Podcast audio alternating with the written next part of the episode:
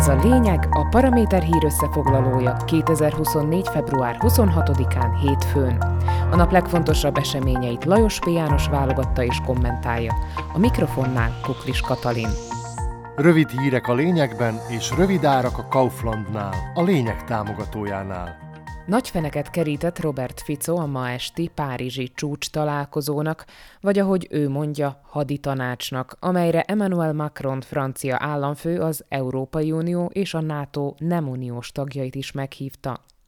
A megbeszélés célja, hogy megmutassák az Ukrajnát támogató államok egységét, és kifejezzék, hogy továbbra is megtesznek mindent azért, hogy Oroszország ne győzhessen ebben a háborúban. Fico vasárnap azzal indított, hogy egy drámai hangú videóban bejelentette, hogy ő mindent megtesz azért, hogy szlovák katonák ne menjenek Ukrajnába harcolni, majd hétfőre összehívta a biztonsági tanácsot. Ma a tanács ülése után újra kijelentette, hogy szlovák katonák nem mennek Ukrajnába, mintha ezt bárki is kérné tőle. És arról kezdett beszélni, hogy vannak olyan uniós vagy NATO tagállamok, amelyek arra készülnek, hogy katonákat küldenek Ukrajnába. Érdekes módon erről a többi résztvevő tagállam vezetője nem nagyon hallott. Legalábbis Petr Fiala miniszterelnök erről semmit sem tud, ő csak a fegyvergyártási kapacitások erősítéséről és az ukrán katonák kiképzésének folytatásáról beszélt. Fico megismételte az orosz propaganda által is előszeretettel terjesztett álláspontot, miszerint a nyugat stratégiája kudarcot vallott, és Ukrajna korán sem áll olyan jól, mint azt terjeszti. Macron lehet, hogy hibát követett el Fico meghívásával, ha ugyanis Ukrajna továbbra is egységes nyugati támogatását akarta demonstrálni, akkor ebből az egységből Fico nagyon kilóg. A Magyarország gyűlés csak nem két év halogatás után ma végre ratifikálta Svédország NATO csatlakozását. Így a NATO tagországok közül Magyarország lett az utolsó, még a svéd csatlakozással szemben sok kifogást támasztó Törökország is korábban megtette ezt. Hogy mit hozott ez Magyarországnak? Láthatóan semmit. Vettek négy újabb Gripent, ami a svéd szábnak jó üzlet, de ezt anélkül is megtehették volna, hogy keresztbe fekszenek a svéd csatlakozásnak.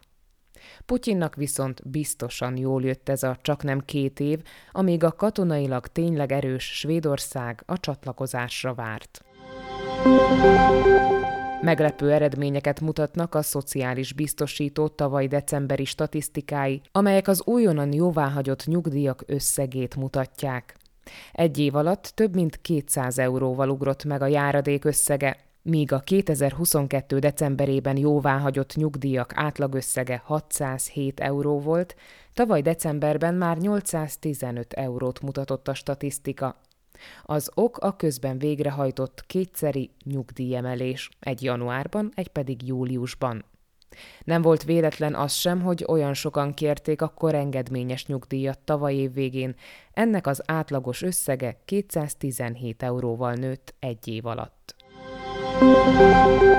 Az egészségügy már évtizedek óta az egyik válságból a másikba sodródik, és nem nagyon látszik, hogy ez a folyamat a közeljövőben megszakad. Most a járóbetegkezelésben dolgozó orvosok emelték fel a szavukat, a betegektől kérnek majd pénzt, ha a kormánytól nem kapnak többet, mert a működésüket veszélyezteti a pénzhiány. A rendelőkben dolgozó orvosokat a legtöbb kormányzat félvárról veszi, a kórházi orvosokkal ellentétben őket kevésbé lehet látni, a tiltakozásuknak kisebb a súlya. Az orvosok áprilistól tervezik, hogy valamiféle egységes díjjal egészítenék ki bevételeiket, hogy tovább tudjanak működni. Az Oktatási Minisztérium betiltaná a mobiltelefonok használatát az alapiskolákban, az alsó tagozaton egyáltalán nem lehetne telefon a gyerekekkel. A felső tagozatról még vitatkoznak, március végére ígérnek végleges választ. Az alapiskolák alsó tagozatán azonban a legtöbb iskolában már ma sem vihetnek be mobilt a gyerekek az osztályba. Az iskolák ezt a házi rendjükben legtöbbször megtiltják. Újabb felmérés erősítette meg, hogy a Smer és a progresszív Szlovákia közti különbség fokozatosan csökken. Február folyamán a Smer enyhén gyengült, a PS kicsit erősödött. Igaz, a Hlasz is összeszedett egy kis pluszt. A legkisebb kormánypárt, az SNS azonban megragadt 5% alatt, már csak nem 4%-ig esett.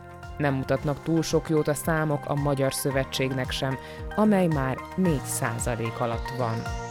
Lajos P. János szerint ez volt a lényeg február 26-án hétfőn, hírösszefoglalónkat minden hétköznap este meghallgathatják ugyanitt.